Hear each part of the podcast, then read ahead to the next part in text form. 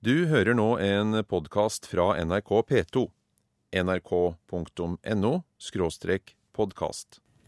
Alta-dialekten er i endring. Palatal L, f.eks. i ordet ball, utvikler seg til en slags RL-lyd, som i ball. Den nærmer seg nordnorsk bymål. Og mange vil nok si at det blir finere og mer bokmålsnært talemålet. Noe som mange ikke synes er fint, er anglisismer. Den som sier 'jeg supposerer at du har rett i dette her', det er jo klart at da tenker du åh, at han ikke kan finne et norsk ord.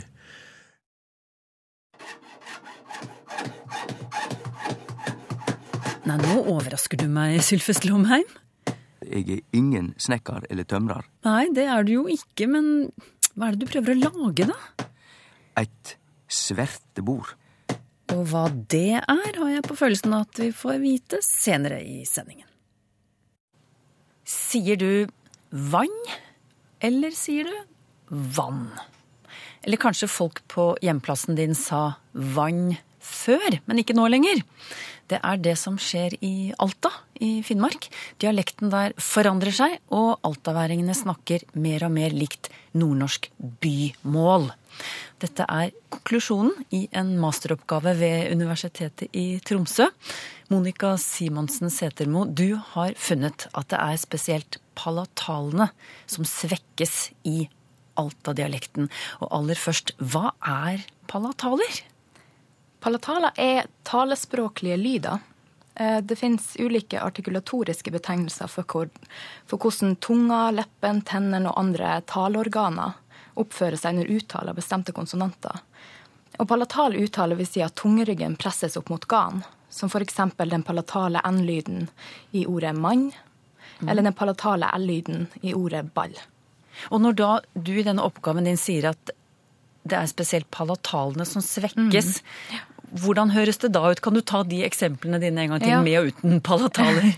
Ja, så Når det gjelder den palatale n-lyden, så er det to muligheter. Palatal n, f.eks. i ordet mann, utvikler seg både til en slags rn-lyd, som i mann, og til en mer, mer bokmålsnær og dental n-lyd, som i mann. Ja, som jeg snakker, Ja, egentlig. ja nettopp. nettopp. Og den palatale l-lyden viser seg å ha kun én mulighet. Palatal l, f.eks. i ordet ball, Mhm. utvikler seg til en slags rl-lyd, som i ball.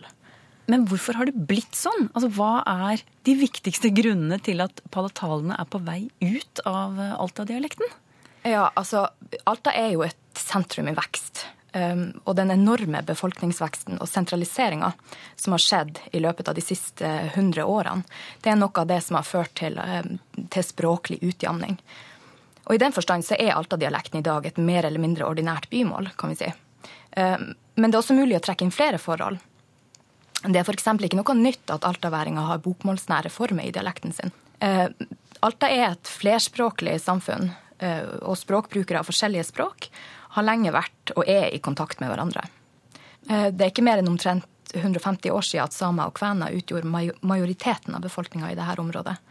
Så altaværingene som ikke hadde norsk som morsmål, var nødt til å lære seg norsk som et fremmedspråk på skolen og gjennom kontakt med andre norskspråklige. Så, så det du sier er at, at den, den samiske delen av befolkningen og kvenene, de snakket litt sånn som Tilnærmet sånn som jeg snakker, da. Altså uten palataler. Ja, uten palataler. Ja. Ja. Så dialekten i Alta har i tillegg gjennomgått store forandringer pga. all flyttinga innenfor landsdelen helt frem til i dag. Det er blitt mer og mer vanlig å flytte på seg, ofte i forbindelse med studier eller jobb. Så økt mobilitet og stor grad av gjennomtrekk i befolkninga har ført til at dialekten har fått eh, en mer moderne struktur enn talemål ellers i landet, hvor befolkninga har vært mer stabil. Men du, hvem i Alta er det som først og fremst snakker uten palataler? Ja, jeg ser nærmere på, på talemålet i selve byen Alta, altså innenfor bygrensen. Og jeg har tatt for meg de tre bydelene Bossekopp, Elvebakken og Kronstad. Og av de personene som har deltatt i undersøkelsen min, så er det i hovedsak ungdommer og personer fra Elvebakken som snakker uten palataler. Og blant de voksne og eldre så viser det seg at også menn har færre palataler enn kvinner. Og når du forklarer disse funnene i oppgaven din, så skriver du at påvirkning fra etermedier. Det kan være en mulig grunn til at Alta-ungdommen snakker uten palataler. Eh, Og når det gjelder området Elvebakken, som du nevnte, der er, de, der er det lite palataler. Da viser du til at mange finske innvandrere bosatte seg der på 1800-tallet. Men at flere kvinner enn menn snakker med palataler. Hvordan forklarer du det?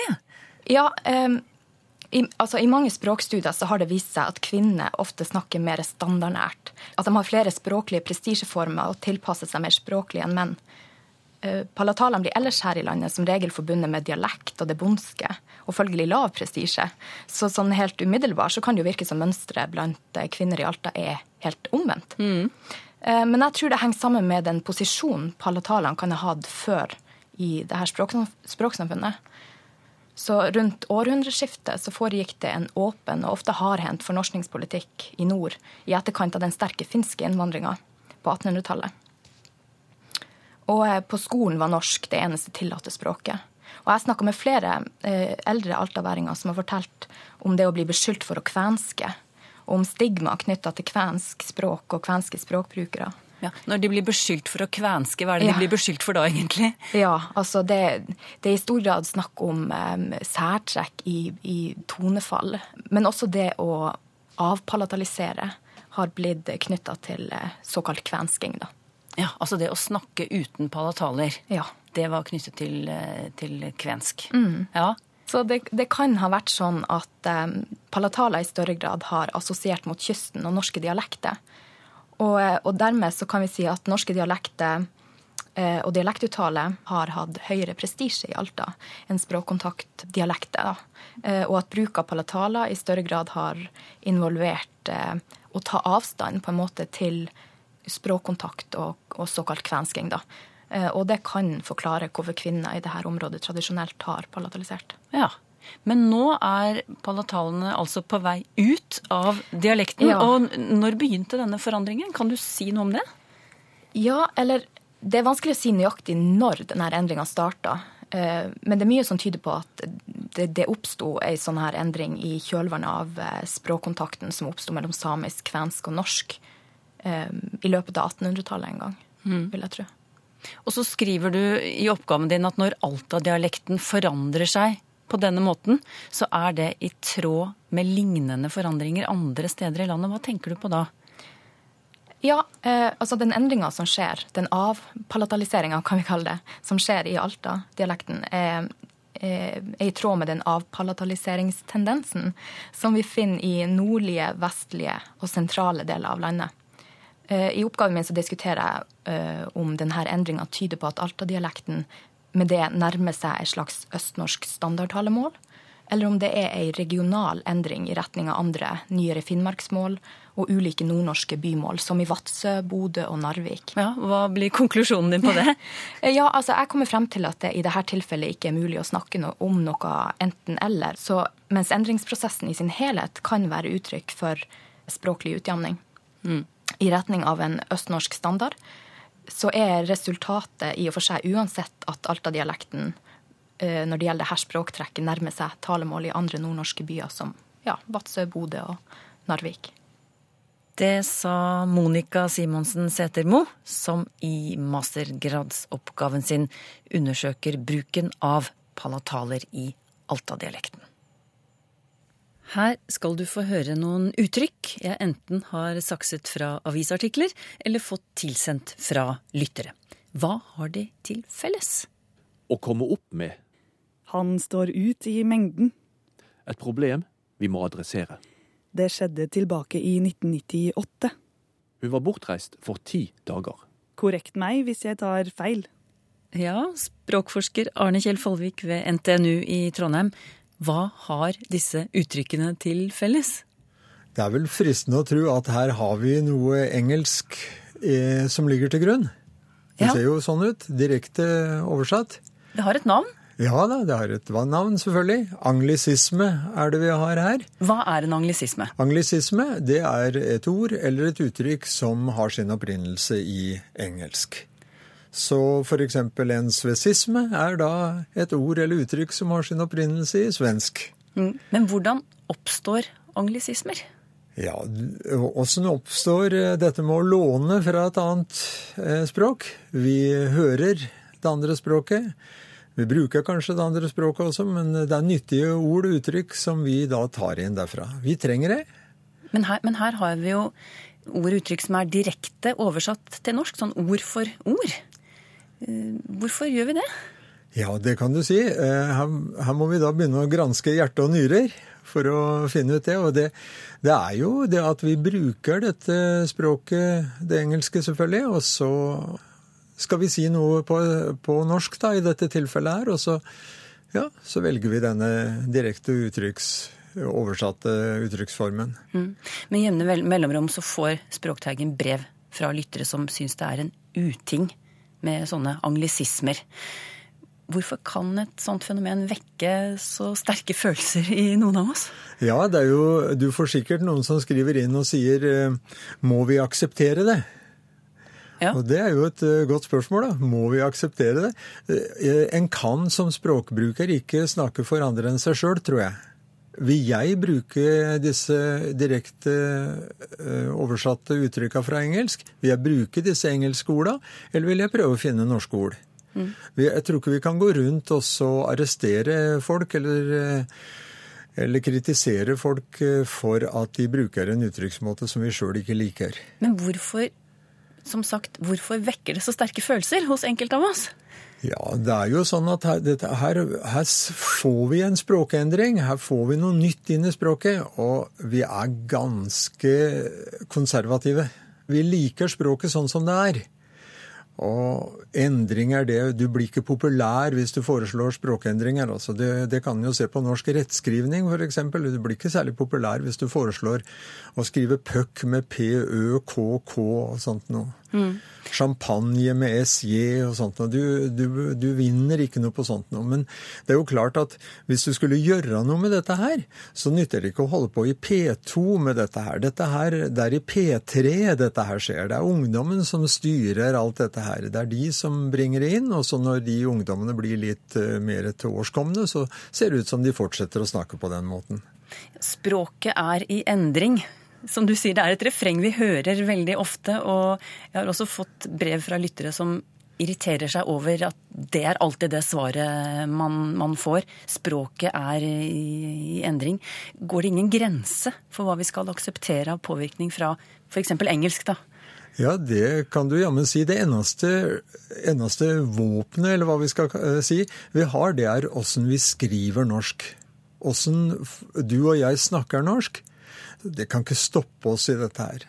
Det er det muntlige språket, det er det som går foran. Og så, så halter eller hopper eller bremser det skriftlige språket etterpå. Liker eller ikke, det Jeg tror at, eh, at en kan ha det mye bedre som norsk språkbruker hvis en setter seg tilbake og sier hei sann, nå begynner de jammen å si noe sånn som jeg hørte på, på radio forleden her.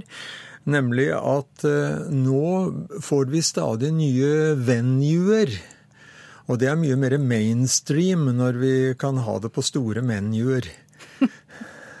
men, men, du, noen vil jo kanskje mene at uh, hvis jeg sier f.eks.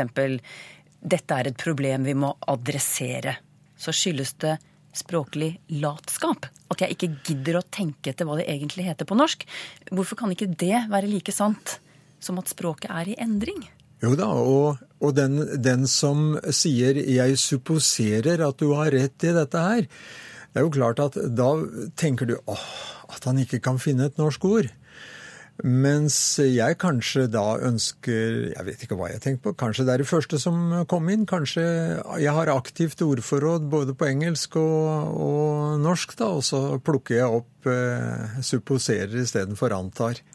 Det er ikke så godt å vite hvordan disse orda blir plukka opp i, i, øyeblikket. Det er ikke. Men det er jo klart at du gjør deg dine tanker om meg når jeg supposerer et eller annet, ikke sant?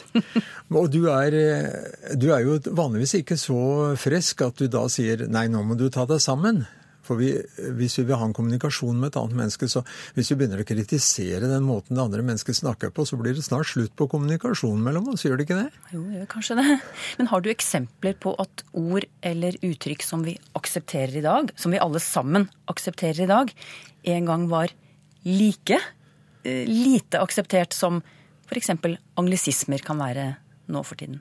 Ja, det, det, er jo helt opplagt. Jeg, eh, gjennom min oppvekst så tenkte jeg f.eks. aldri på at ordet streike og streike var et uh, ord som vi har fått fra engelsk to strike. Og jeg tipper på at det kanskje de første, når de første nordmennene begynte å si dette, så sa de kanskje strike. Og så blei det et verb å streike, det fikk norsk skrivemåte, og nå er det liksom innafor huden på oss. Så det, det er denne pinefulle, denne smertefulle overgangen fra at det er nytt og til at det blir eh, norsk, det er der, det er der irritasjonen ligger. Det er ingen som lenger irriterer seg over at vi har haugevis av tyske ord og uttrykk i norsk. Og eh, folk i Storbritannia de irriterer seg ikke over at de har massevis av franske ord i, i språket sitt. Vi låner og vi påvirkes hele tida.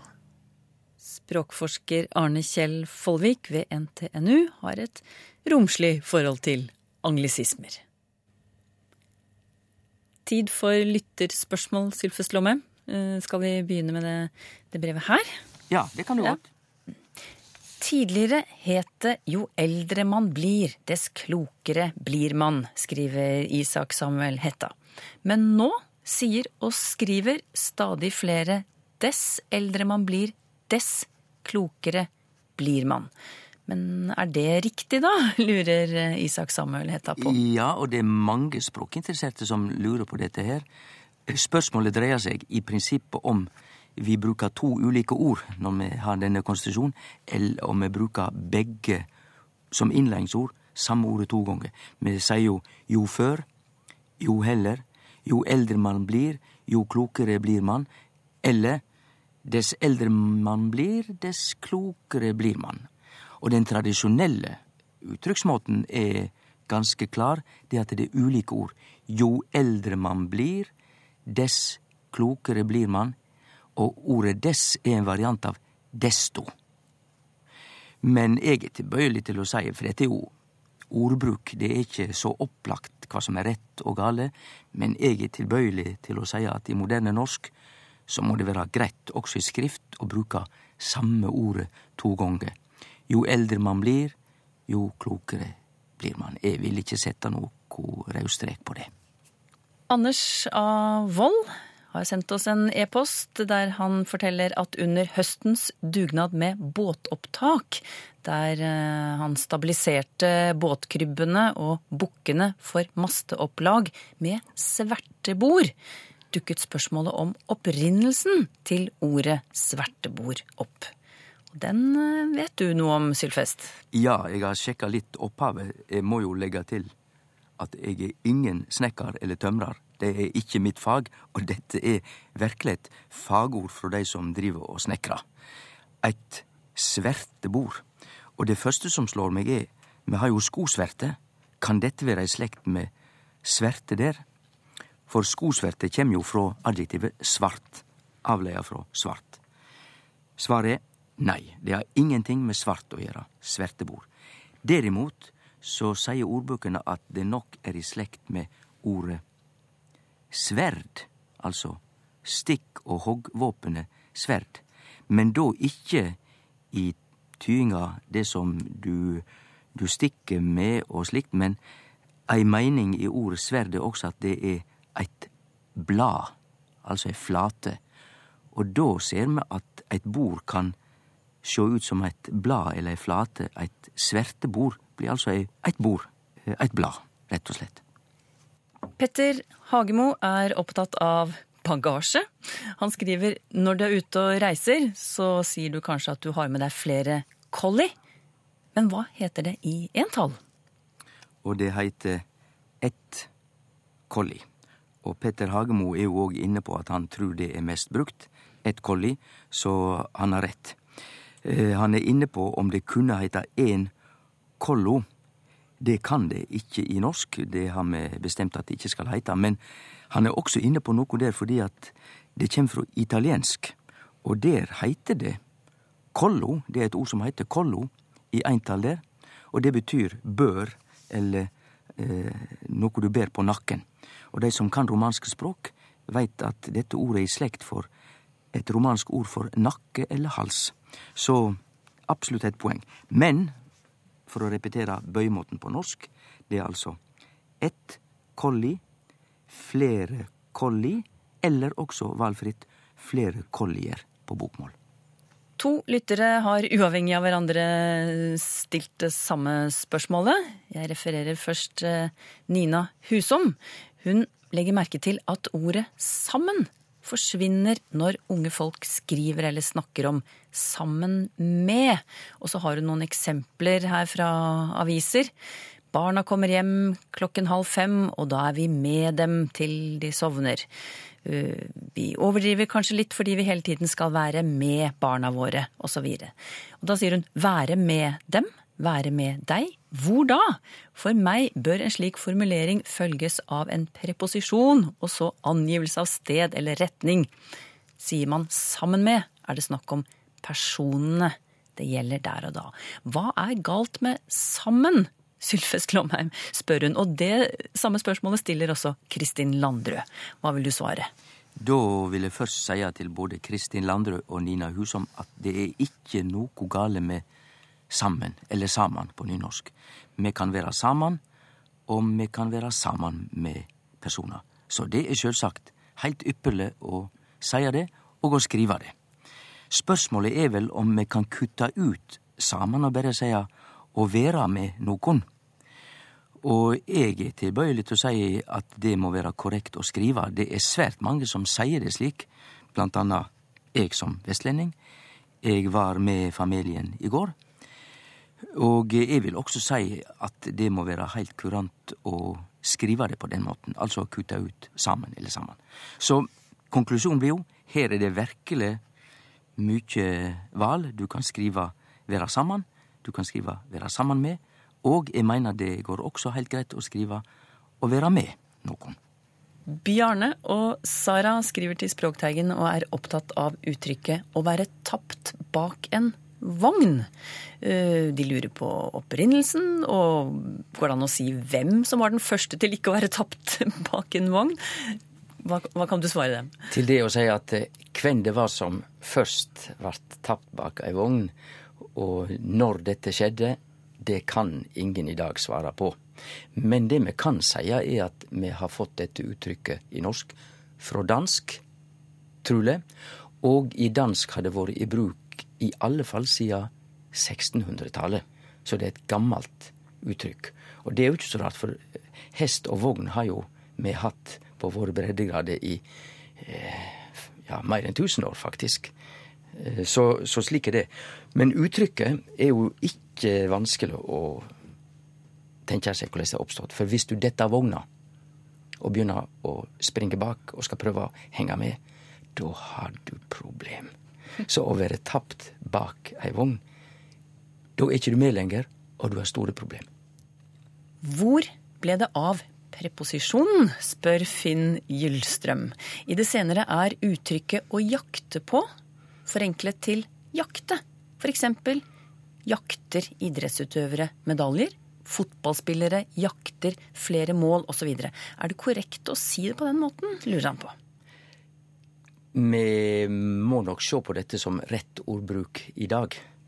Det er ingen tvil om at dette er en ny måte å bruke verbet jakta på, altså uten preposisjon. Tradisjonelt hører på en med å jakte på noe. Men eh, verbkategorien i språket vårt, det er den kategorien der det skjer mest nyutvikling. Eh, vinduene knuste, sto det nå i ei avis. Det må vi rekne som rett nå. Enda vinduene driver jo ikke og knuser. Men, eh, altså som en person gjør det. Men det er korrekt. Så nota bene, alle som vil følge med i norsk, verbklasser, der skjer det hele tida veldig mye nytt. Det du har hørt nå, er et gjenhør fra 29. januar i år. Men neste utgave av Språkteigen vil være rykende fersk, og da handler det annet om hvordan vi uttaler forkortelser så kan jeg be deg å komme og se på den fine PC-en min. Men det sier altså ikke disse ungdommene. De har ting liggende på PC-en. Ikke på PC-en, men på PC-en. Da har de funnet en ny måte å prosessere, eh, behandle forkortelsen vår på. Hvorfor uttaler generasjonene forkortelser på hvert sitt vis? Jo, jeg har i grunnen lyst å beskrive en eh, tretrinnsrakett, hadde jeg nær sagt. Og den raketten sender vi opp i Språkteigen om en uke.